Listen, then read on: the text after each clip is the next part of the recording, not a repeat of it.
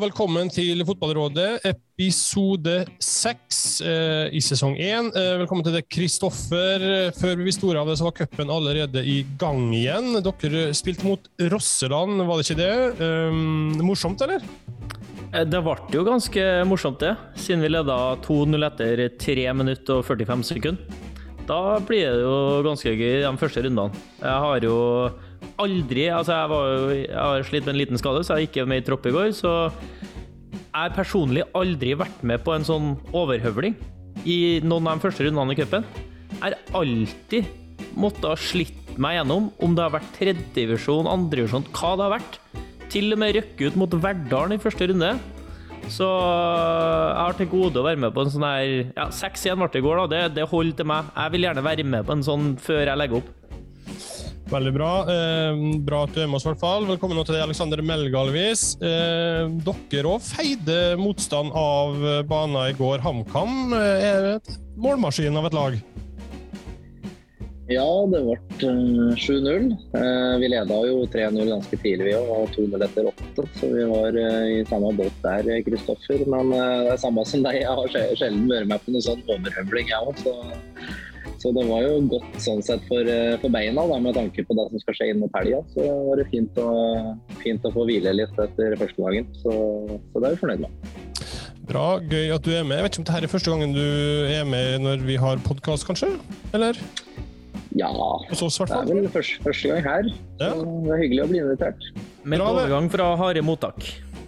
Ja, absolutt. Det her er jo det er veldig snilt. Harde mottak. Det er en røff gjeng. Vi er bare hyggelige folk. Eh, velkommen nå til det, Espen Eskås, en ny debutant og den første dommeren vi har med oss. Eh, er det sånn at når man er toppdommer, så er man fritatt første runde, eller? Blir det liksom for lavt nivå for dere? Noen vil kanskje påstå det. Nei, eh, vi, vi kan velge å, å, dømme der hvis vi vil. Vi mhm. får tilbud om å gjøre det. Og så er det jo litt sånn i mai at uh, det er et tett kampprogram, så for noen så kan det også være godt kanskje å stå over den for å, å lade opp til uh, tøffe serierunder i, i Eliteserien. Eh, bra. Du sto over cupen. Ja. Eh, walkover der. Og så eh, har du walkover i helga òg, eller? Nei? Eh, jo, eh, så, så, jeg har tatt en ekstra lang, lang ferie. Veldig bra. Ja, for Veldig... fysisk, hvor tøft er det? For jeg så nemlig eh, godeste Er det Daniel Higraf han heter? Daniel Higraf? Ja. ja.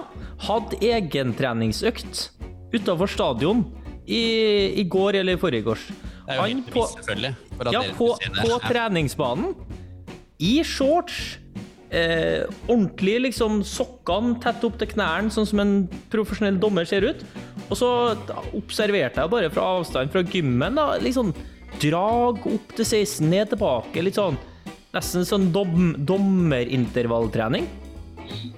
Ja, altså, eh, For det første så er jeg jo litt overrasket over at du er overrasket over at vi trener. Eh, der er jo, det, det må jo være første feilen her. Men for å ta Daniel spesifikt, da, så er han eh, veldig godt trent, og han er veldig dedikert til treningsarbeidet. og, og det er en sånn typisk eh, økt vi kan kjøre i forkant av kamper. At vi, vi bruker faktisk en fotballbane og trener på den og løper spesifikt på banen for å simulere litt situasjoner som kan oppstå under kamp. Jeg er ikke, ikke overraska, vil, vil påstå det, men personlig, hvis jeg har vært dommer, så har jeg sett på meg at jeg har gått inn på mølla liksom, som vanlig mann inn på sats og så tatt meg en fire ganger fire. Så jeg, jeg var overrask, litt overraska over den spesifikke økta, og litt imponert. Ja, kult. Ja. kult. Bra. Nei, men Da tror jeg vi har fått etablert at dommere trener, og det var det viktigste i introen her. Eh, velkommen skal dere være, i hvert fall. Vi har i et par år, eh, da vi styra med Spillerådet, jevnlig snakka om eh, dommere og om diskuterte situasjoner, eh, der man som oftest, i hvert fall hos oss, har konkludert med at det er dommerjævel. Det er ikke et veldig elevert nivå alltid, men samtidig så er det et uttrykk for hvor mye enkelte avgjørelser og situasjoner engasjerer. Så for å løfte dette et lite hakk, da, så er det på tide da at du er med oss, Espen, og får med en dommer her som kan være en eh, motvekt. Um, og så skal vi prøve å holde dette her på et ok faglig nivå, eh, så får vi se hvordan det går. da, Men utgangspunktet her er vel å prøve å oppsummere litt, så langt. Og så kanskje dykke litt mer spesifikt ned i ulike forhold mellom dommere og spillere. Så la oss starte der, Kristoffer. Kan du eh, si noe generelt om ditt inntrykk så langt i sesongen? Altså Personlig så føler ikke at vi har hatt kamper der eh, vi sitter igjen med, med voldsomt fokus på dommerne. Uh, og jeg har opplevd flere kamper der jeg følte at linja har vært lagt høyere enn tidligere, og bedre også. Uh, altså, mange hengte seg, hengt seg opp i den Bodø-kampen. Uh, og hva som skjedde der, og hvis dommerne har lagt lista der og der. Men jeg følte at han, han Jeg husker ikke hvem som dømte den, da, men han traff jo bra på den linja med tanke på hvilken type kamp det var, og hva vi forventa av, av, en sånn type kamp. Og også når vi spilte borte mot Molde, så tror jeg det var Hagenes. Uh, som også traff på en veldig avgjørende situasjon med straffesparket. Han sa jeg til etter kampen at i dag var hun ordentlig god, for der òg var det noen tøffe situasjoner i første omgang, eh, der jeg sjøl var involvert og ble tatt, f.eks. Som han løste fint med, med, tilsnakk etter en fordelssituasjon, eller hva det skulle være, uten at det Det var tøft, men det, han flekka ikke opp kortet i tide og utide der han mista kontroll og det ble kaos. da, så jeg personlig har flere opplevelser i den retningen, men har jo også fått med meg at det har skjedd andre ting som har vært diskutert i større grad i andre, i andre kamper. Mm. Dere da, Alexander, har dere hatt eh, stort sett ok eh, opplevelser i år, eller har dere vært involvert i noe? Jeg husker jo ikke alt det, men uh, hva er ditt inntrykk? Ja, Stort sett så har det vært, eh, vært bra. Altså. Det har ikke vært noe fokus, sånn som Kristoffer sier, det har ikke vært noe fokus i, i våre kamper heller. Og, og, det er jo bra. Så, så, det er eh, beina til oss utpå der som skal prate, og det, det, er det det har vært eh, hittil. I hvert fall det, det vi har vært borti.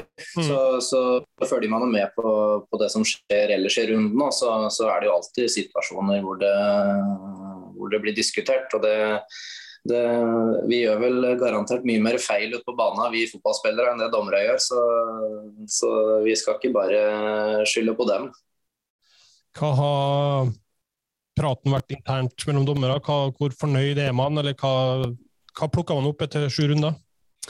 Eh, nei, det er, det er, et godt spørsmål. Vi, sånn totalt sett og generelt så, så er vi dommere i utgangspunktet fornøyd med hvordan vi har kommet i gang med sesongen. Og så er det jo klart at det alltid vil være enkeltsituasjoner hvor, eh, hvor vi eh, skulle løst eh, situasjonene annerledes. Og, og, men, men, det hører liksom litt med òg. Men det viktigste er jo at vi tar lærdom av det og, og, lærer til neste gang. Så når en sånn type situasjon eller situasjoner oppstår igjen, så har vi et mye bedre utgangspunkt og grunnlag for å fatte en riktig avgjørelse. Det er ikke noe um en trend på noe man eh, ser man har bomma på, eller som har, spillet gjør at man henger etter på, eller ting man må bli Det er ikke noe sånn? Eh, eh nei, jeg, jeg syns ikke eh, at det, det, er noe som går igjen, sånn sett. Eh, av de situasjonene som vi har sett det har blitt mest oppmerksomhet rundt, det er jo, er jo vært sånn særegne enkeltsituasjoner, mm. synes jeg. Eh, og jeg er veldig enig med det Kristoffer sier, at jeg tror vi har sett en utvikling gjennom fjoråret og starten av årets sesong med at uh, flere og flere dommere tør å tillate mer fysisk spill ute på banen, som igjen gjør at det blir mer flyt i kampene, og, og at uh, uh, nivået på kampene blir mye bedre. og så er det sånn at hver kamp lever sitt eget liv, og, og, du er nødt til å ta utgangspunkt i de to lagene du skal dømme, med de 22 spillerne som er på, på banen. For det, det, er klart du må kanskje agere litt forskjellig ut fra hvilke typer lag og spillere du har med å gjøre. Mm. Du, du, er jo inne på det, Kristoffer. og så så jo Magnus Eikrem blant annet, sa det etter Ålesund-Molde i helga at han likte veldig godt at det var lagt opp til et nivå der det kunne være litt fysisk fotball, og at det på en måte er det både ligaen trenger, men òg en sånn type kamp fortjener. Det er jeg helt enig i, og der har vi spillere også et ansvar på å forstå forskjellen mellom tøft og stygt. Altså, Vi kan ikke springe rundt og, og jage i hver eneste situasjon eh, til dommerne eller dommerteamet på det som er tøft. Det må jo forstå at dommeren f.eks. gir et frispark på en tøff situasjon, men det er ikke nødvendigvis et gult kort eh, hver eneste gang. Eh, stygt, da reagerer man jo på en annen måte, men det er en det er en ganske stor forskjell på tøft spill og stygt spill. Altså. Og, og, da er vi spillere medansvarlige på å hjelpe hverandre med forståelsen på det, også dem som da ser på kampen.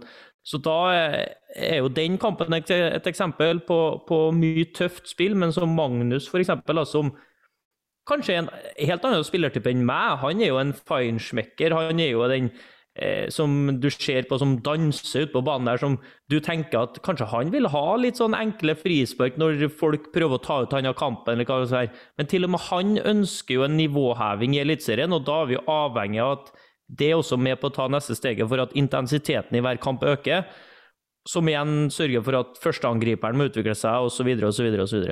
Mm. Hvor viktig er det eh, for dere i HamKam f.eks., Alexander, den fysiske delen av spillet, og at man tillater at det faktisk er litt temperatur, uten at det bikker over, da, men eh, at det på en måte er en forståelse? Vi er jo et, eh, et ganske fysisk robust lag som, som trøkker til i dueller og, og, må jobbe deretter for alle poengene vi kan få. Så, så klart det, det man ønsker alltid at det skal være fair og, og, og tøft utpå der, men, men, klart altså Jeg så et litt sånn interessant spørsmål som ble sendt inn her òg, om, om, det å være kynisk òg. At, at, det skal være lov i, i fotballen sånn sett. Så, så, klart leder man kamper og alt sånn, så, så, ønsker man selvfølgelig at man skal stykke opp spillet mer og alt sånn. Og det, det, det handler jo om både å være smarte i kampen og, og kynisme og alt det der, men, men klart eh, vi som, eh, vi som, lag, eh, spesielt på Briskeby, er vi jo ganske tøffe å møte. Så der, der trøkker vi jo litt ekstra til òg. Så, så der, der, ønsker vi at det skal, være, det skal legge seg list som eh, deretter og sånn sett. Men, men klart, jeg, jeg føler jo at, at, en, at en list bør, bør, jo ligge på et jevnt nivå, egentlig uansett hvilken kamp det er. Men klart, man, man prater jo alltid på at Eh, hvis det er en, et derby eller en, en, toppkamp og alt det der, at det blir da Da prater man ofte på at LIS skal ligge, ligge høyt. Men jeg føler jo at det er viktig at den, at den er en, en, list som man kan kjenne igjen fra kamp til kamp, sånn at spillere vet hvor, hvor lista ligger, og, og dommere vet hvor lista skal ligge. Så, så det hadde jo vært det aller beste. Hva syns du, hva er din opplevelse av det nå? Da er det fortsatt varierende fra kamp til kamp eller runde til runde, eller syns du det på en måte man treffer ok der? Ja, jeg føler jo at, eh, at eh, det foreløpig har det vært, eh, vært, veldig bra i de matchene vi har spilt. Så, så det har ligget egentlig på, på egentlig samme nivå stort sett. Så, så, er det jo, ja, så er det jo sånn at man det kan jo selvfølgelig variere litt, men akkurat sånn det har vært nå, så har det vært eh, fint og jevnt. Og, og det er jo og greit. Og, og, vi er jo vant til å komme fra Obos-ligaen og dommere der. og Jeg føler jo at det er jo et nivå opp med, på dommere òg. Og at det skal litt mer til å få et frispark i, i Eliteserien enn, enn, det det skal til i Obos. Så, så vi er jo vi er så veldig glade for å være oppe i det gjeveste selskap og, og få kjenne litt på dommerstanden der òg. Eh, hvordan er det, Espen? Er man av og til i forkant, eller kanskje underveis, redd for å slippe på det her med i kampen? At det kan OK, nå har jeg på en måte lagt lista for høyt, eller altså, hva, hvordan tenker man rundt det?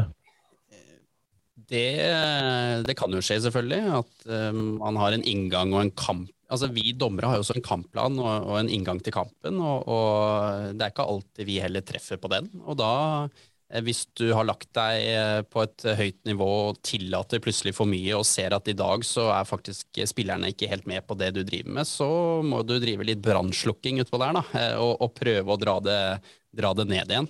Men all den tid vi er forskjellige, vi dommerne, og det, det er forskjellige dommer til forskjellige kamper, så, så jo, er det liksom umulig å få en 100% uniformitet når det kommer til frisparknivå og, og eh, altså, Jeg syns jo det er liksom Frisparklist er ikke alltid riktig ord. Da. Det er jo rett og slett Det handler jo egentlig alltid om kampkontroll. Eh, dette med hvor, hvor, du skal liksom legge deg på frisparknivå. Eh, og, eh, og, der er vi jo litt forskjellige, og det går jo litt sånn ut fra hvilken erfaring vi dommerne har. Eh, en dommer med lang fartstid kan på en måte tørre å tillate seg et uh, litt høyere frisparknivå, for jeg tror også spillerne har litt mer goodwill og aksept uh, for den dommeren enn en kanskje litt ferskere dommer, som kanskje for å opprettholde kampkontroll er nødt til å plukke noen flere frispark for å, for å få den samme aksepten hos spilleren. Eh, men, men, dette varierer igjen fra dommer til dommer, kamp til kamp. og eh, det, dum, altså det, verste vi synes, er jo når vi skjønner at vi har driti oss ut på dette med altså, Vi tillater plutselig for mye om å drive dette med brannslukking. Ja, det er liksom, det, det er tungvint. Er det, altså, er det mulig å få til, egentlig? For det, altså, omkvedet er jo Hvis dommeren først har mista kontrollen, mm. Hvordan i alle verdens dager skal man få den tilbake igjen uten at det bare blir reaksjoner hele veien? Ja, det et veldig godt spørsmål, og det, det, er ikke alltid det lar seg gjøre heller. Og da gikk den kampen rett vest. Da, altså, da tapte vi den kampen, rett og slett. Eh, hvis, vi, hvis, vi, mister den kontrollen. Og det.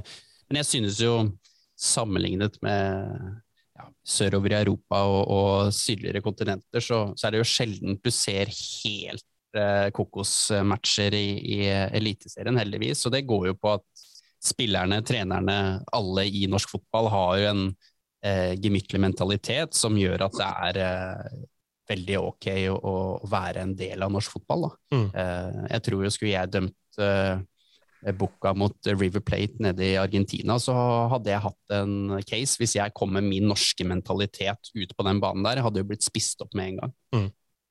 Eh, hvor, og du, du, er inne på det, Alex. Kan ta det med deg. Du snakker om kynisme, blant. Det å skulle påvirke dommeren, da, eh, som eh, kanskje Espen hadde opplevd da i Bocca River. Men hvor eh, bevisst er man på det fra spillerside, Kristoffer? Jeg vil jo tro at man vil prøve å påvirke så mye man kan, eller? Ja, helt klart. Uh, og det er jo en del av det. Vi er jo veldig bevisst på hvem som dømmer. Uh, som Espen er inne på her, så vet vi at det, det, vil da være forskjellig hva som er akseptabelt og ikke akseptabelt. Uh, hvordan du kan kommunisere med dommeren. veldig mye som Det er nyanseforskjeller fra, fra, hvilken dommer det er, da. så der er man jo bevisst. Og så er det jo heldigvis sånn at jo høyere nivå du kommer på, jo vanskeligere, eh, vanskeligere er det å faktisk påvirke dommeren eh, til eh, noe kampavgjørende utfall. Altså Du kan påvirke i en positiv måte på at du kanskje får litt mer goodwill. da. Men det er jo nesten som du påvirker personer ellers i livet. Altså Hvis du er litt omgjengelig, trivelig, ikke går og hakker og maser og, og nesten er ekkel å ha, ha med å gjøre, da, så vil du få en, mer, en større aksept for den ene eller andre gangen du smeller til å si hva i svarteste du holder på med. Da vil det være en annen respekt mellom spiller og dommer. da. Uh, og den er jo ikke alle som klarer. Det er jo noen som da mister mer den kontrollen på uh, hva som foregår når man spiller. Og, og da vil jo mange se på sånne typer at de kanskje har dommeren etter seg, men det, det vil være i, i, stor grad selvforskyldt også, i måten man opptrer på over tid. Eh, så, så, jeg er i hvert fall veldig bevisst på det, å også prøve å spre det litt innad da, til dem som kanskje ikke kjenner de forskjellige dommerne så mye, eh, f.eks. til utenlandske spillere at uh, 'vær forsiktig med det i dag', eller 'vær forsiktig med det', eller at 'han her dømmer i dag, så da kan jo kanskje være litt tøffere', f.eks. Mm. Du er inne på det, Kristoffer, at man liksom, eh, skal man si at man ser an litt hvem som dømmer kampen. Men vil det da si i praksis at eh, du eller noen på laget er eh, Om ikke sitter og følger med hvem som skal dømme kampen, men at man i forkant av kampen ser an rett og slett hvilken dommer det er, og da ut ifra det kan legge en slags slagplan, eller da vet man liksom hva som funker eller ikke funker, eller hvordan man skal opptre, eller ja, man, man, lærer seg dem å kjenne eh, ganske fort, Også. Så jeg er bevisst på det og prøver også å videreformidle den kunnskapen jeg har om, om hver enkelt. Da, og, og sjekker alltid eh, relativt tidlig hvem skal dømme oss. Det, det kommer jo kommer ut flere dager i forveien, så så den infoen er viktig. Det er ikke noe du kan måte, Oi, det er han som dømmer i dag, da, idet du stiller i gangen. Da mener jeg du er litt sent på akkurat den mentale biten rundt det med, med dømminga. Selvsagt så ønsker du å henge deg minst mulig opp i det, og at uh, spillet flyter, og at uh, din kampplan går sin gang, og omtrent du, du glemmer han som er utpå her. Det ønsker jo alle parter, men uh, sånn er jo ikke realiteten. Mm. Hvordan er det andre veien, da, når du f.eks. skal La oss si at du skal dømme HamKam Viking, da. Eller hvilken uh, slagplan har du, eller hva tenker du da? Nei, på, på, lik linje så forbereder jo vi oss eh, for det første på laget når det kommer liksom til spillestil og, og hvordan eh, lagene spiller. Det er jo utrolig viktig å ha en formening om det. og Det går jo både på at vi klarer å ligge i forkant eh, på plassering, bevegelse, og, og skjønne litt eh, Da. spilloppbygningen. Så, så, så, det er kjempeviktig. Og så er det jo veldig Altså, vi er jo ikke forhåndsunntatt i det hele tatt, men vi er jo klar over hvilke spilletyper vi har med å gjøre. Eh, både når det kommer til dette med tøft spill, kanskje, og som er de som er fysiske, men, men også de som har eh, snakketøyet i orden. Da. Eh, så vi er jo vi er jo forberedt på det, uten å, uten å være forutinntatt. Mm. For det er jo det er jo litt sånn uh, usannhet som har fått festet seg, syns nå jeg, i, i, miljøet at dommerne ikke liker å kommunisere, og det er ikke mulig å kommunisere med dommeren, men, uh, men det, det, mener jeg er jo helt feil. Uh, vi ønsker å ha en god dialog med samtlige spillere. og men så er det jo sånn, hvis det kommer spillere løpende på avstand, eller fra avstand med aggresjon og, og, skriker det opp i ansiktet, så, så, er jo ikke det noe dialog. Altså, det er jo ikke noe kommunikasjon, det er jo skrik. Eh, så, så, jeg tror nok noen ganger spillerne må se seg selv litt i speilet og tenke litt gjennom hvilke framtoning de har når de møter dommeren. Eh, og hvis de prøver neste gang en litt roligere tone, så kan det godt hende at de får et mye hyggeligere svar òg.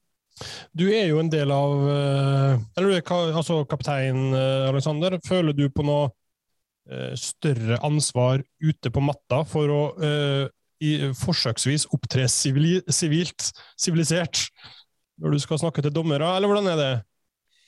Ja, uh, gjennom et uh, begynner å bli et ganske langt uh, fotballiv på forskjellige nivåer, så, så, har jeg lært meg det at, at det, det, beste er å ha en, en god tone med, med, dommeren uansett. Og det er det jeg prøver å og, og spre til lagkompisene mine òg. For sånn som Kristoffer nevner, er, er, det jo hvis du har en god tone med, med dommeren og, og klarer å, å, prate fint med han, så, så, så, tenker vi da at da er det litt lettere å få et, uh, få et frispark, eller uh, at ting blir uh, gående litt mer den veien vi ønsker. Da. Så det er så det er der det ligger på. Samtidig så er det mye mer hyggelig. Man kan ha en, en god dialog og fleipe litt og, og ha det litt uh, morosamt utpå der. Det er ikke bare blodig alvor hele veien. Vi, vi er mennesker, og dommere er mennesker, og, og vi liker å, å, å prate og, og, ha, det, ha det gøy utpå der. Så, så, sånn sett er det den innstillinga jeg har overfor eh, for hver dommer. Eh, og så er, det, så er det selvfølgelig dommere jeg har hatt oftere enn andre, og jeg kjenner det bedre. Espen har jeg hatt mange ganger, både i, i Obos-ligaen og i Eliteserien. Så, så, han kjenner jeg godt. Så han Vi liker å skravle litt, vi Espen. Så det, så det, er absolutt en god tone med deg. Så. Ja, altså Vi har jo faktisk Det husker du sikkert ikke, da, men, men jeg Første gang jeg dømte Alexander, det var en av mine tror jeg, kuleste kamper. Eh, og det er faktisk i, i annendivisjon, eh, når, eh, når du spilte for Brumunddal eh, og dere møtte faktisk HamKam uh, i Brumunddal. Eh, fantastisk ramme der med altfor mye folk til den lille stadion. Eh, og det, det er første gang jeg husker eh, Alexander, for han var liksom desidert banens beste. Eh, og skårte et mål, og dere vant jo kampen 2-1, eh, eller hva det var. Også. Det, ja, nei, det, går, det er jo sånn at du, du får jo en god tone med spillerne. og og jeg er helt enig. altså Det er jo ingenting som er bedre enn å ha en hyggelig tone eh, både før, under og etter kamp. Og så er det jo sånn at situasjoner preger kamper, og, og, det er klart det vil jo oppstå uenigheter. Og i kampens hete så smeller det litt frem og tilbake. Eh, men, men eh, at, at vi dommerne også er opptatt av å ha det ok med spillerne utpå der, det, det, er viktig å få, få frem. Altså. Eh, har du opplevd Kristoffer, at dommerne faktisk har smelt tilbake? For mitt inntrykk er jo at de står jo nesten der som en svamp og bare får drit slengt til seg, og så idet de ytrer et komma feil, så er det liksom Da er de uh, helt uh, ute av out of order, liksom. Ja, så jeg, jeg, liker jo egentlig det at jeg at til meg Gjerne si 'hold nå kjeften din', eller ja, 'gi nå faen', eller hva det skal være. da. Den direkte ordbruk, det, har jeg, det, det skjønner ikke jeg hvorfor de ikke kan bruke tilbake. da. I mm. hvert fall i situasjoner der det blir sånn. Eh, og det, det, er jo litt sånn, i forlengelsen av det, den dytt frykten som folk hengte seg opp i den Hustad-situasjonen, f.eks. Hva mm. gjør du da når en fyr eh, på 1,90 og 90 kilo kommer opp i trynet ditt og tar en sånn skallebevegelse? Det er jo selvfølgelig dytter hun unna. Altså, det, ingen må komme til meg og si at uh, linjemannen da skal være opplært til at han skal stå som en sånn tinnsoldat og bare gjøre hva du vil, liksom. Det, det er menneskelig, så Eh, hva var det Staberg sa i sin tid? Kjeften din og forden på touchen din før du snakker til meg, sånn. Når jeg var med et frispark eller noe sånt, så sånn der syns jeg var artig. Eh, nå så vi bare for å ta det, nå fikk vel Erlend Hustad tre kampers karantene nå i sted, så han hadde vel ikke fått det uten at han hadde vært såpass offensiv eh, der, da. Eh, vi kan ta det to ting, da. Du, du var så vidt innom det, Aleksander, det med kynisme. Eh, og jeg hører liksom relativt ofte Eh, det er opp til dommeren å dømme, det er dem som skal beskytte spillerne. Eh, og samtidig så prøver jo spillere å pushe grensene så langt som mulig for å vinne. Eh, og så, hvis det nå sånn er at dere lykkes med det, da, så er, da er jo dommeren svak på et vis. Og hvis motstanderen lykkes med det, så er han i hvert fall en jævla idiot. Det å sjøl òg ta ansvar for at man er med og gjør det er eh, tidvis veldig vanskelig å være dommer. Eh, er det noe som man er bevisst på, eller ligger hele ansvaret der hos dommeren rett og slett for å kunne styre kampen?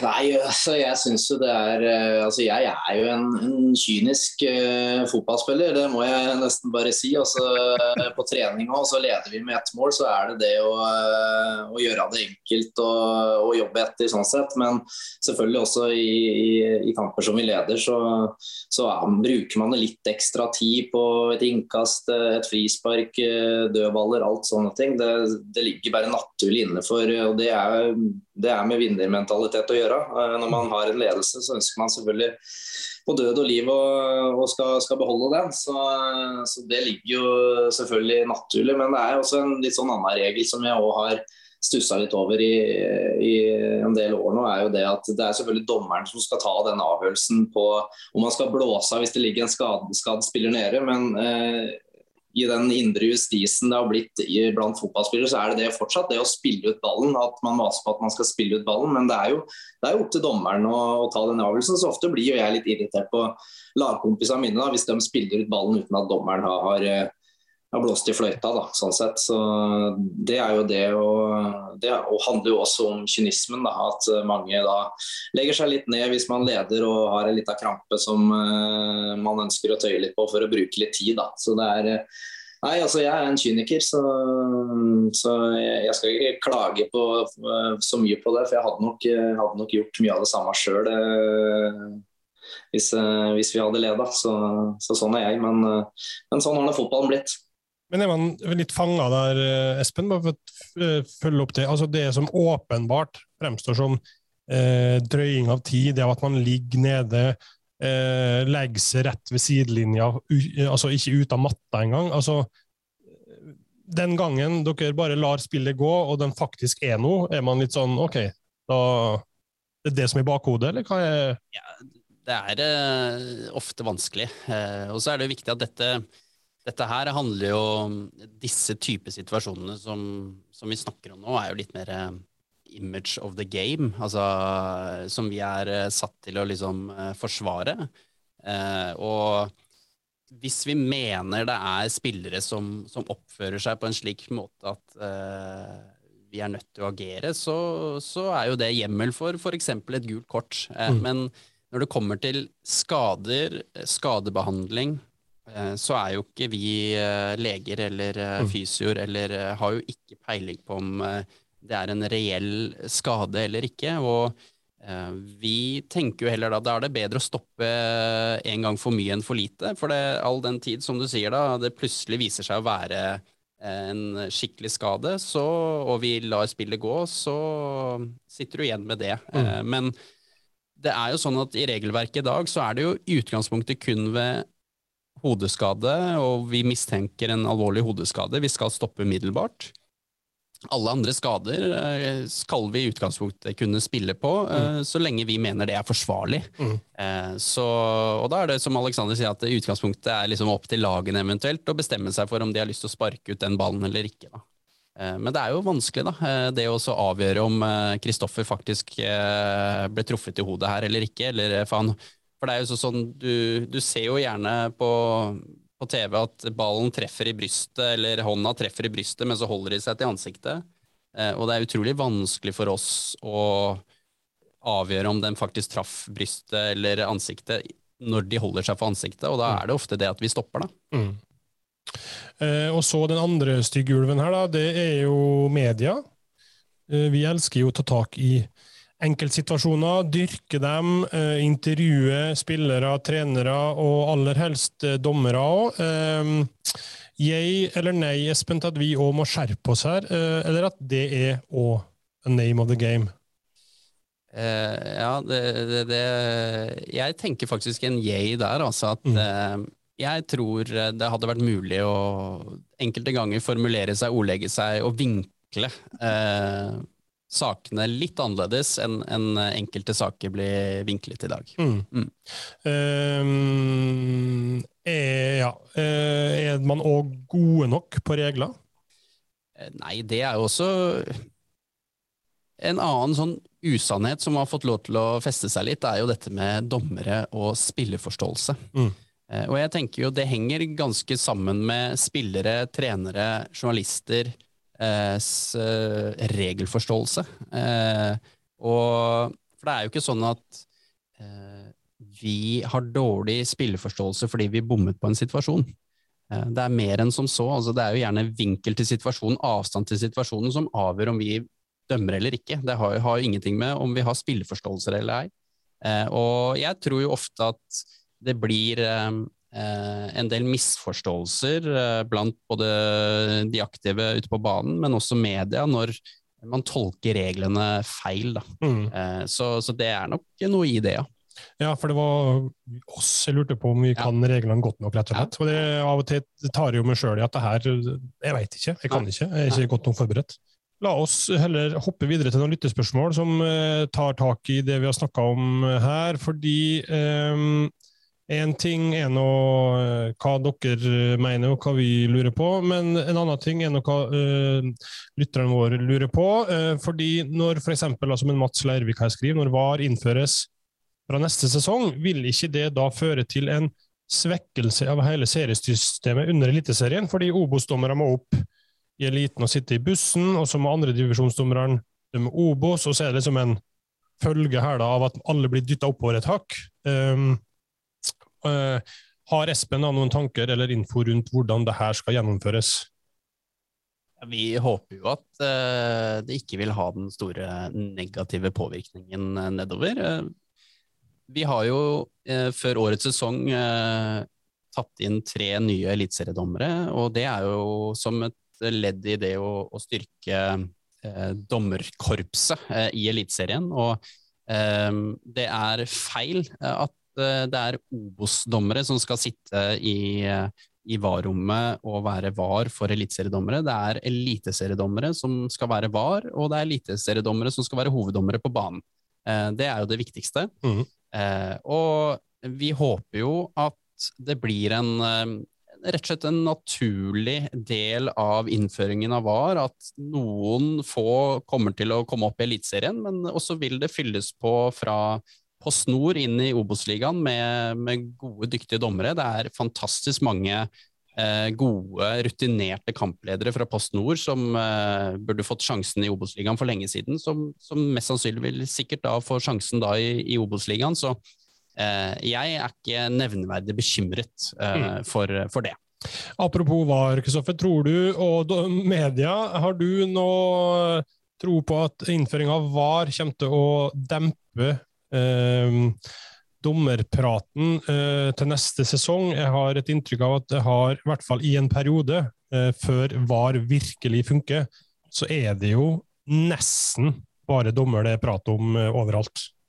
Ja, det, jeg tror ikke det fjerner, jeg tror det bare endrer den debatten og diskusjonene dessverre i starten. Da. Og så håper vi at den, den går fortest mulig over. For eh, det som folk må tenke over, er at kompleksiteten for en dommer i å dømme en fotballkamp er totalt annerledes enn på, bare på 90-tallet, 2000-tallet, for å si det sånn. da.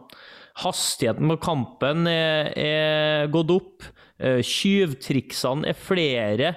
Eh, interessen, kameravinklene, alt det, det er større, bredere. Så eh, innom det med media, så ønsker jeg at man i flere situasjoner, når man diskuterer en dommeravgjørelse, prøver å heller sette seg inn i dommerens vinkel av situasjonen enn det man lett kan se på, på TV. Altså, jeg er helt enig, hvis vi bare tar ferske eksempler.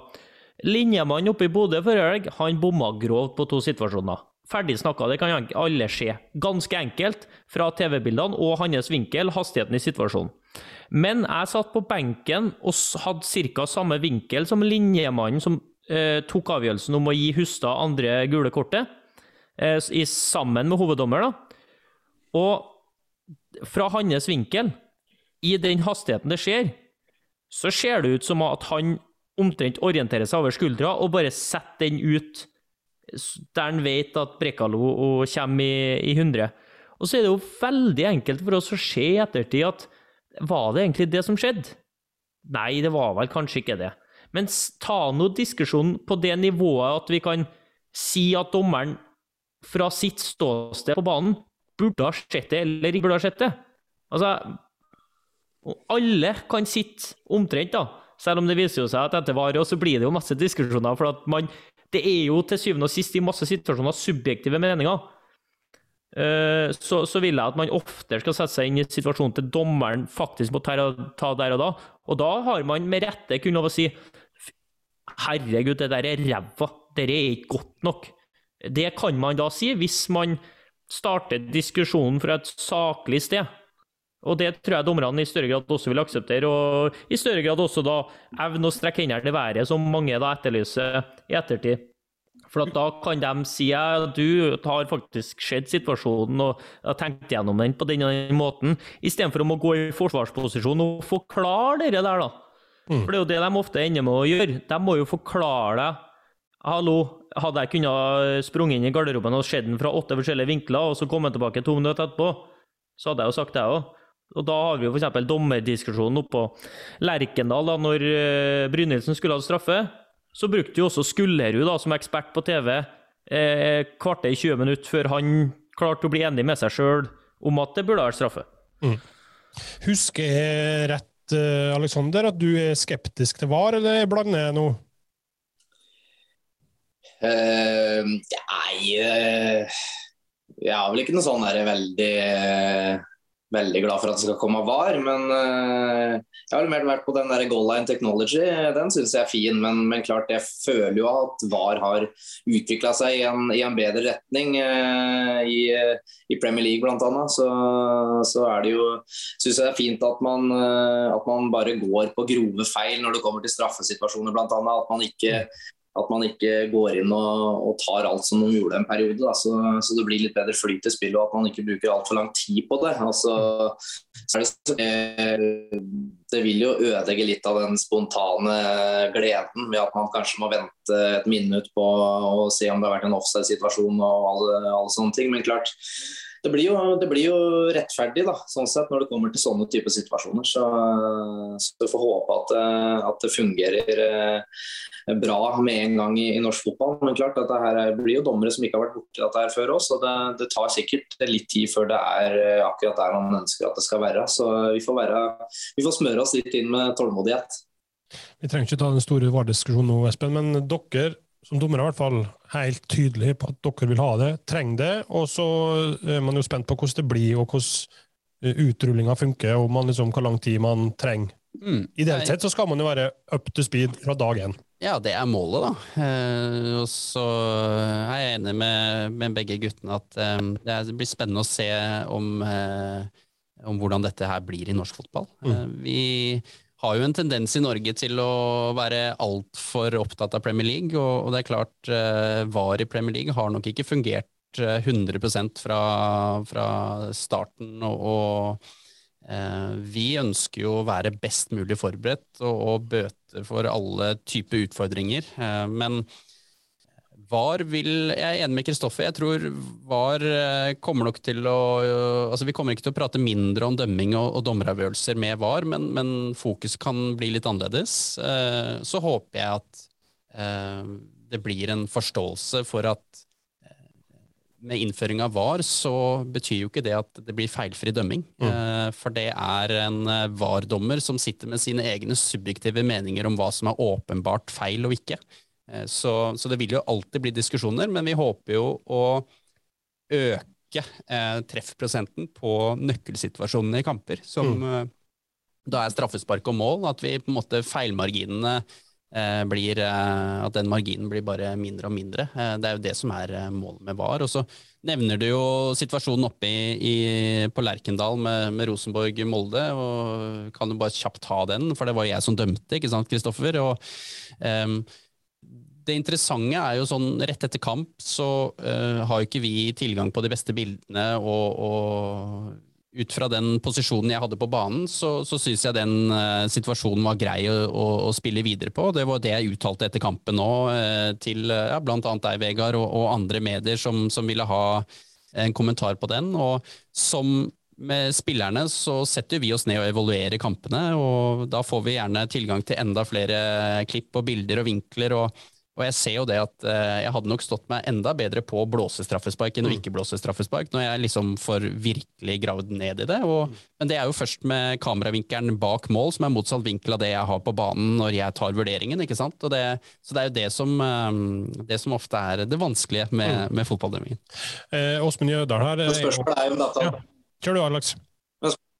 Spørsmålet er om dette hadde blitt straffe med VAR òg, med tanke på at det kanskje er det en, er det en soleklar feil av dommer. Det, jo, det blir jo da en, en, vurdering som må tas i, i bussen òg, så, mm. så, det blir spennende å se, se, sånne ting. Alt sånn med filming og alt sånn blir, vil jo bli borte. Altså, det er jo selvfølgelig, selvfølgelig fint. Så, men klart, det er jo disse nøkkelsituasjoner som blir, blir fint å, å, få en bedre oversikt over, og at man kan ha mulighet til å, å se på bildene flere ganger. For, for sånn som Kristoffer nevnte også, Tor Ole, han, jeg, jeg, følte jo at det var en straffe, og jeg skjønte ikke helt hva han satt og gnåla med i 10-15 minutter før han før eh, bestemte seg for at eh, dette burde ha vært straffe. Så eh, nei, det, sånn sett så, så, så, blir det jo spennende å se de, hvordan de subjektive dommerne i, i VAR-bussen vil, vil, se på de spesifikke situasjonene. Mm. Eh, og så må man jo huske på, du er inne på det, det her er jo til sjuende sist er det jo mennesker som sitter her, det er jo ikke et regnestykke. Eh, og så eh, Personlig syns jeg òg det der argumentet om at det blir rettferdig, Eh, det vil aldri bli helt rettferdig på et vis. Altså, man kanskje kommer nærmere, men til sjuende sjuende og sist, så ja. Ja, det er jeg enig i. Ja. Eh, jeg bare følger opp med en Åsbund her som skriver at burde dommere stille opp til intervju etter kamp på lik linje med spillere og trenere. Og det er min erfaring. Jeg kan bare svare på det. At det, med veldig veldig få unntak, så stiller dommerne opp når vi spør om det. Eh, og det skal dommerne ha alt mulig honnør for, for det er ikke mange ligaer i Europa i hvert fall det skjer. Så det er helt eh, topp. Eh, ES Gjerdseth lurer på uh, hvordan tror Espen det store fokuset på dommerfeil i media vil påvirke den neste generasjons dommere? Kan det bli for få av dem? At det blir skremt bort? Eh, svaret er jo veldig enkelt ja. Eh, og vi har jo allerede store eh, mangler på, på, dommersiden nedover i systemene. Så det er, det er, vanskelig med dommerrekruttering. Og som med alle andre idretter og gjennom pandemien, så har det jo vært et frafall på, på dommersiden nå. Så, så vi er nødt til å, i NFF sentralt, men også ute i kretsene, jobbe, jobbe nå med å, å, få opp antall dommere. Og det er klart, eh, jo mer negativ omtale det er i, i de store mediene, jo, jo, flere er det kanskje som tenker seg om et par ganger før de velger å ta et uh, rekrutteringsdommerkurs.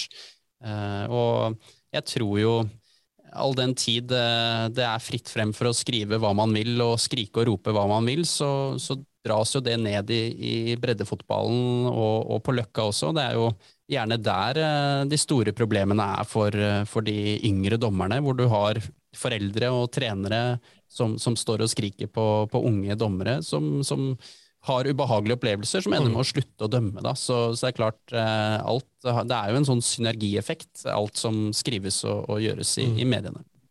Uh, han Kim Ruud Pedersen lurer på hvorfor kan ikke dommerne ha mikrofoner på seg, sånn som f.eks. i ishockey. Da kan man høre samtalene uh, for hvorfor dere dømmer ditt og datt. Mm. Hadde vært, hadde vært, kult, det. Jeg tror det er flere spillere som hadde tenkt seg om to ganger da, uh, før, de, før, de, hadde dryst. Nei, men det hadde vært kult å prøve, mm.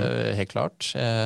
Eh, vi har eh, Ola Hobber Nilsen prøvde et år for en del år siden å ha et sånt GoPro-kamera festa til brystet, eh, men Fifa var ganske rask på alerten når de så det, og de er, har, de er ganske strenge på mm. den type ting, hva som skal være lov og ikke lov i løpet av en fotballkamp. Så så enn så lenge så, så, er ikke det lov eh, i forhold til reglementet, men vi dommerne er i utgangspunktet ikke 100 negative til, til, en sånn prøveløsning. Mm. Men all den tid det ikke er lov, så, så tør vi ikke å prøve. Ok, et par til bare, selvfølgelig. Det handler om, litt om Løkbergs fremtidige karriere, som alltid gjør. Når i karrieren skal Løkberg spille for Brekken, lurer Morten Ryttervold på. Jeg, en, jeg tror jeg fikk en fyllemelding fra samme Morten Ryttervold eh, natt til 17. Faktisk han har sletta han. Har sletta han på Messenger. For godeste Morten tror jeg bor på Brekken, og han sendte et eller annet i fylla om at jeg skulle komme til Brekken. Uh, jeg, jeg, tviler på at det blir Det blir i så fall en sånn uh, påskeferiespiller. Om jeg kan ha sånn korttidskontrakt i påskeferien eller høst eller et eller annet sånt. Her er hytteområdet, eller nei? Det det er hytteområdet, ja. ja. Mm. Det er veldig veldig lita bygd. Jeg vet ikke om det bor 500 mennesker her engang. Eh, ok, helt til slutt her kan du få, Alex. Hva gjør det med eh, et lag at man får et tidlig mål imot? Hvor stor, på, hvor stor påvirkning har det? Sammenligna om man får det etter 20 eller en halvtime, eller Altså hvis man slipper inn etter to-tre minutter. Påvirkninga på oss som lag, tenker du? Mm. Han har jo bedre tid på å rette det opp igjen, da. Så Det er bra, det. Topp. Det er en, en fordel og Hvis man skal vite at man skal slippe inn et mål, så er det greit å få det tidlig. Men, eh, men klart, det, jo, det, blir jo da litt bedre tid til å komme inn av tide. Vi, vi, slapp inn ganske tidlig borte mot eh, Kristiansund. Vi kom under der to ganger. og sånn Rent erfaringsmessig så har det vært tøft å komme tilbake der, så vi er fornøyd med at vi klarte å ta med oss et poeng derifra når vi kom under. Så, så klart det det, det, gjelder jo bare å, å nullstille og, og, fokusere på det en skal gjøre. For, eh, for vi ønsker jo å holde kampa innafor rekkevidde så lenge som mulig. Så det skal jo Kristoffer forhåpentligvis få kjenne litt på når vi kommer nedover til onsdag. Så, så vi, får, vi får, prøve å, å holde det innafor rekkevidde så lenge som mulig. Så Det er det vårt fokus er som lag, i hvert fall. Så, og det viser seg at vi, vi har vært vanskelig å, å slå hittil. Så vi må prøve å fortsette der. Des légumes, des légumes, des légumes, cher, le secret de la longévité. Des légumes, des légumes, des légumes. Des légumes, des légumes, des légumes. Når vi nærmer oss slutten, Kristoffer, så er det vel uh, duket for Løkbergs løksuppe, er det ikke? Ja, det er helt riktig. Og nå er vi ferdig med 17. mai, uh, og da har jeg jo uh, fått meg en aha-opplevelse. Eller bergenserne tror at jeg har fått meg en aha-opplevelse. Fordi at eh, forrige 17. mai som var uten pandemi, var jo i, i 2019. Og da var jeg i Brann. Og måten det toget, eller hovedprosesjonen, som de kaller i Bergen, ble haussa opp på, skulle ikke tro det fantes noe opplegg andre plasser 17. mai. Skulle ikke tro at folk var ute av husene sine engang, sammenligna med hva som foregår i Bergen 17. mai. Men nå har jeg jo gått, da, det man litt bare enklere kaller for folketog i Stavanger. Og det er helt likt! Det er akkurat det samme! Altså, Jeg ble så provosert, og fruen du, var jo med og gikk i, i Bergen her. og når du, vi var ferdig, Først da når vi kom ah, herre, Det blir så fantastisk, bare gled deg. Det er så stort, liksom. Og vi var ferdige å gå der, så var ah, Var det ikke fantastisk, liksom? Hva følte du? Hva tenkte du? Jeg har da gått borgertog i Trondheim òg! Og nå har jeg gått folketog i Stavanger. Det er det samme! Så, altså, det er kanskje vak altså, Det er interessant da, med Stavanger? bergenserne. Nei, det, det, altså det var like konge å gå i borgertoget som Ranheim-spiller i 2018. Altså, med eliteseriestarten der, liksom. Det var tjo og hei og finvær, det òg. Men måten eh, Altså, bergenserne, det er jo fascinerende. Du må jo bare elske dem for det òg. Den stolthetsfølelsen, det de liksom opphøyer seg sjøl på en måte, og sin plass og sånn. Nei, det er fantastisk. But uh, hate to break it to you, Bergen. Det finnes også andre plasser, men vi kaller det bare sånn tog og sånn. Det er ikke prosesjon. Nei. Uh, nei, men det er bra. Gikk du i tog? Hvordan er det på Hamar? Må dere gå i toget? HamKam-spillerne, eller? Uh, i, I år så var det vel første gang at det var eh, at vi måtte gå i borgertoget. Men, eh, men jeg hadde selskap i, i den tida der med, med fruen og, og svigerfar og, og litt grilling, så, så det var tellet hjemme. Altså. Jeg var hjemme hele dagen med, med familien. Så det var litt eh, Vi fikk litt sein melding på det, så det var bare noen spillere som, som møtte opp den gangen her. Men det kan hende at det blir en, en bedre tradisjon etter hvert, forhåpentligvis. Eh, Så, så får vi håpe at klubben er såpass populær at dette blir noe som, som vi kan gjøre i framtida. Hvis ikke, må du bare dra til Bergen. For der er noe utenom det vanlige. La oss òg nevne at vi er da i gang med å kåre norsk fotballs frisparkkonge. Vi har fått en ny kandidat nå i cupen. Den gikk ikke i mål, men Lyns Henrik Elvevold hadde et enormt forsøk mot Stabæk. Eh, Det var et, rett og slett et jævla bra frispark, så han er blitt en del av kandidatlista. Eh, Og så har vi jo tidligere hatt et par stykker eh, nevnt, eh, og som vi skal få ut video av. Vi har fått folk som har sendt inn klipp av seg sjøl, selv, selvfølgelig, som er meget gira på omtale, som skal på lista her. Jeg vet ikke om du har noen på toppen av lista di, Aleksander, en frisparkekspert. Den kunne vært rimelig ræva i alt mulig annet, og han kan godt spille for et fjerdedivisjonslag, men eh, har du en kandidat vi skal notere oss? Eh, ja, altså Jeg spilte jo med en Jo Nymo Matland i, i fjor, og han hadde jo en eh, Eller har fortsatt en, en ganske solid venstre, venstre slegge. Men hvis en skal se opp mot uh, toppen av norsk fotball i Eliteserien, så, så har du et par gode opp i Molde med Wolf Eikrem og Ulland Andersen bl.a., som en kan nevne. Uh, ja, det, men jeg syns jo Jo Nymo var ekstrem, ekstrem der, faktisk. Litt av poenget her er jo at eh, eh, egenskapen på frispark bør være ganske mye høyere enn resten av fotballegenskapene, eh, etter mitt skjønn. da. Sånn at Magnus og eh, Ulland Andersen er for gode fotballspillere, mens Jo er på en måte, han var god, men ikke så god. Så jeg, jeg, vi tar med oss han via de tre her. eh, eller har du motforestillinger, Kristoffer? Nei, altså, vi skal jo ikke ta fra Jo Nymo Matland den karrieren han Nei, nei. har hatt, men eh, poenget ditt står også at eh, Wolf Eikrem er for god på andre Han burde ha vært sånn helt vill på frispark, da, hvis du tenker liksom proporsjonalt. Ja. Bra. Eh, og dere som har forslag, eh, send det til oss på DM på Twitter eller Instagram på Fotballrådet, så skal vi se på og vurdere. Ok, vi må innom siste spalte.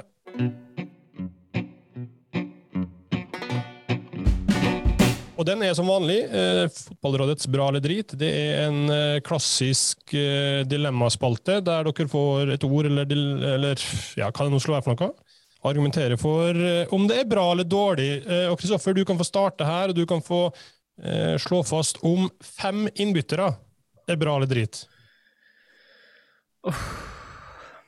Som spiller så er det egentlig litt, altså litt drit. Altså det jeg har opplevd etter fem innbyttere, er jo at du er jo et tidlig offer.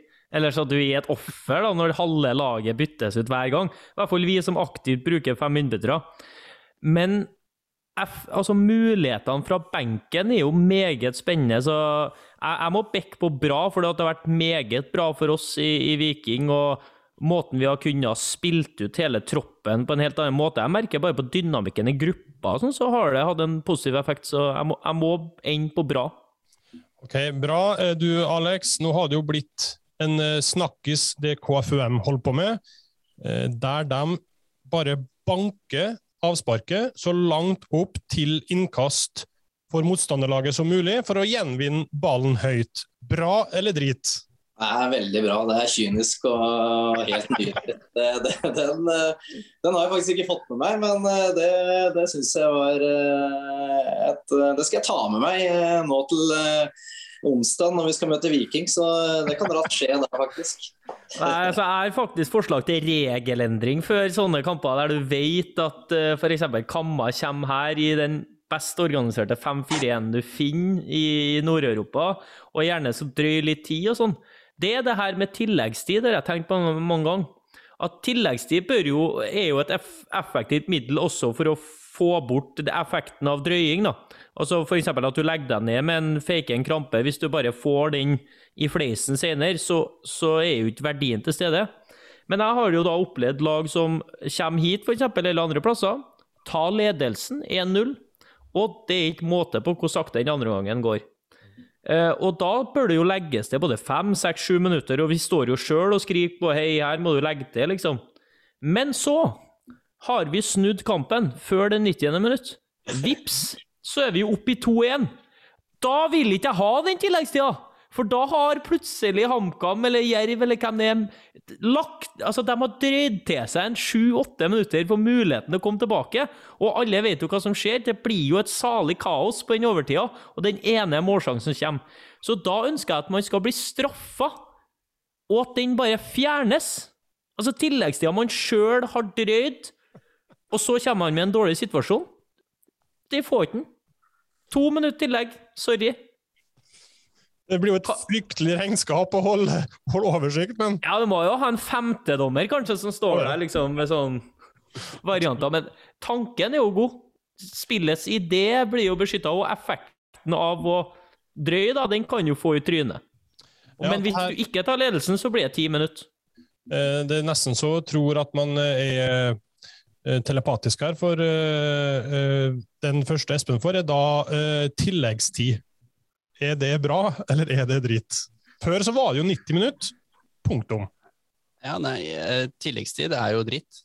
Ja. Eh, for det er så mye dritt som skjer i den tilleggstida. Så det er, det er, så typisk. Det har gått fint i 90 minutter.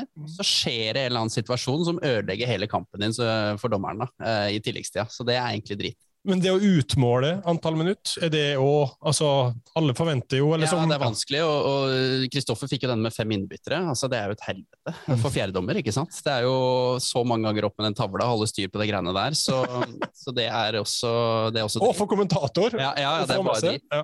Nei, men, men uh, tilleggstid uh, og den situasjonen Kristoffer beskriver, da, er jo den, den, Det skjer jo. Mm. Du har et lag som har klagd hele andre omgang på at nå har det vært drøyd, og så har de klart å snu det, og så begynner de å klage over at uh, det er for mye lagt i tid. Mm. Og så Hvem er det som taper? Jo, det er dommeren. Det er dommeren som taper uansett. Det er drit. Bra, eh, Kristoffer. Eh, din andre og siste Jeg har vel en magefølelse her, men Twitter. Bra eller drit? Nei, det er bra, men man må bare lære seg å ta det med en klype salt. Altså. Og så må man lære seg at det man diskuterer Man kan ikke alltid bare legge diskusjonene på det dem som roper høyest på Twitter, for det er, det er så mye usaklig. Så hvis man klarer å heve nivået på det man tar med seg av det som skrives på Twitter, så er det, det er bra. Ja. Bra. Din siste, Alex. Kjetil Rekdal, bra eller drit? Nei, Kjetil Rekdal er, er bra. Eh, vi skal ikke klage på, på Kjetil. Vi, vi, gjorde det bra under Kjetil. Og vi hadde jo ikke vært eh, der vi er nå hvis det ikke var for han og Geir Frigård. Så Kjetil er bra. Kjetil er bra, OK. Um, og så din siste, Espen. Den er uh, ut fra det som skjedde på sist, da, i går, uh, i Liverpool, da Everton uh, berga plassen. Banestorming, bra eller drit? Det er for dommeren drit. Mm. Det er nok med 22 spillere å håndtere, så det er drit samtidig så, så, forstår jeg jo den euforien og, og, følelsene der, men nå har det vel vært noen situasjoner fra England, både fra Premier League, men, men andre kamper òg, hvor, hvor, det har skjedd uheldige mm. situasjoner. og det tror jeg er viktig å, å ta tak i, rett og slett. Jeg tenkte på det i går sjøl, at det er altså så voldsomt, så mange, på så kort tid at det må jo oppleves ubehagelig for spillere og alle på matta. Jeg vet ikke om du har opplevd noe tilsvarende, Kristoffer, med hvor du nå har vært men uh... Nei, nærmeste banestorming var jo sikkert en uh, 17 mann uh, oppå Ranheim der når vi slo Sogndal, så det, jeg følte ikke meg trua når uh, de på en snittalder på 60 halta utpå her, nei. men jeg, jeg ser de bildene, så tenker jeg sånn med den syke verden jeg lever i. Hva hvis en jævel har, har, på seg en kniv, eller hva det skal være, liksom? Mm. Det, den ene situasjonen blir jo fort styggere enn andre, og hva er det neste, da? Så jeg jo elsker jo på en måte å se de bildene av gledesscenene. Det var jo i Stavanger her, og da man rykka opp, så mm. var det jo banestorming. Eh, så det er jo noen fantastiske bilder, men eh, det, det har blitt for mye nå, så det, det må stoppes på et eller annet vis. Jeg greier, jeg greier ikke å for bli sint på Patrick Vieira, som reagerer på han uh, fansen som driver og terger han og klapper på han. og Nei, altså, han skulle, han skulle, ha fått seg en, altså, Det har vært innafor men han har klaska ned. Ja. Det er selvforskyldt. Eh, bra. Eh, da eh, er vi kommet til veis ende, stort sett. Eh, HamKam mot Rosenborg. Eh, Aleksander var derfor et to med Kjetil her, da. Det blir gromt, er ikke det det rette ordet?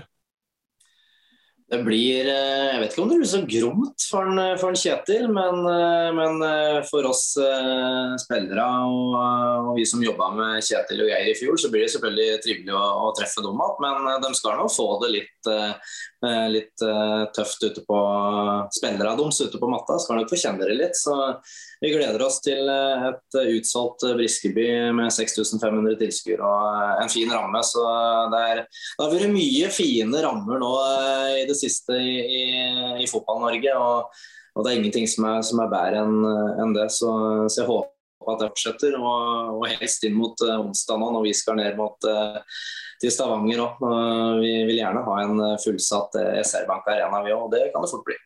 Du skal vel ha litt av ære nå, for at det blir så mye folk på, på Briskeby som greide fikk utsette riveprosessen på ene tribunen her. Så det skal, det skal du all mulig ros for, Aleksander. Er veldig bra jobba. Eh, Eh, angrer du på at du skal ha frihelg? HamKam-Rosenborg, det er jo en kul kamp å dømme, er ikke det? Veldig, og, og, jeg er helt enig med gutta at eh, det har vært eh, altså Jeg syns det fra egentlig første serierunde har vært fantastiske rammer rundt omkring eh, på ja, nesten alle arenaer. og mm. Eh, det er kjempegøy å reise rundt eh, og dømme fotball, og vi vil aldri egentlig ha fri, men vi er, eh, vi er, for mange dommere til å fylle opp alle rundene, så da, da er vi nødt til å ha litt eh, eh pause innimellom.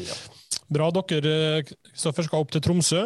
Eh, et godtspillende og litt sånn undervurdert Tromsø-lag, eller? Ja, et av de bedre lagene i Eliteserien sånn rent spillemessig mellom 16-meterne.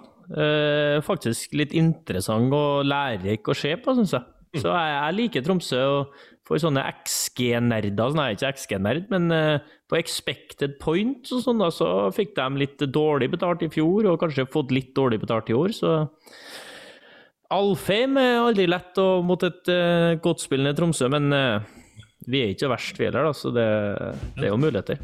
Det er muligheter. Bra. Nei, men uh, Veldig hyggelig. Dette ble en uh, god time. Det. Så topp at dere tok dere tida og stilte opp. Og så gjør vi som alltid, vi avslutter med ukens ordtak, og det er den som frir til penger, spør ikke om alderen.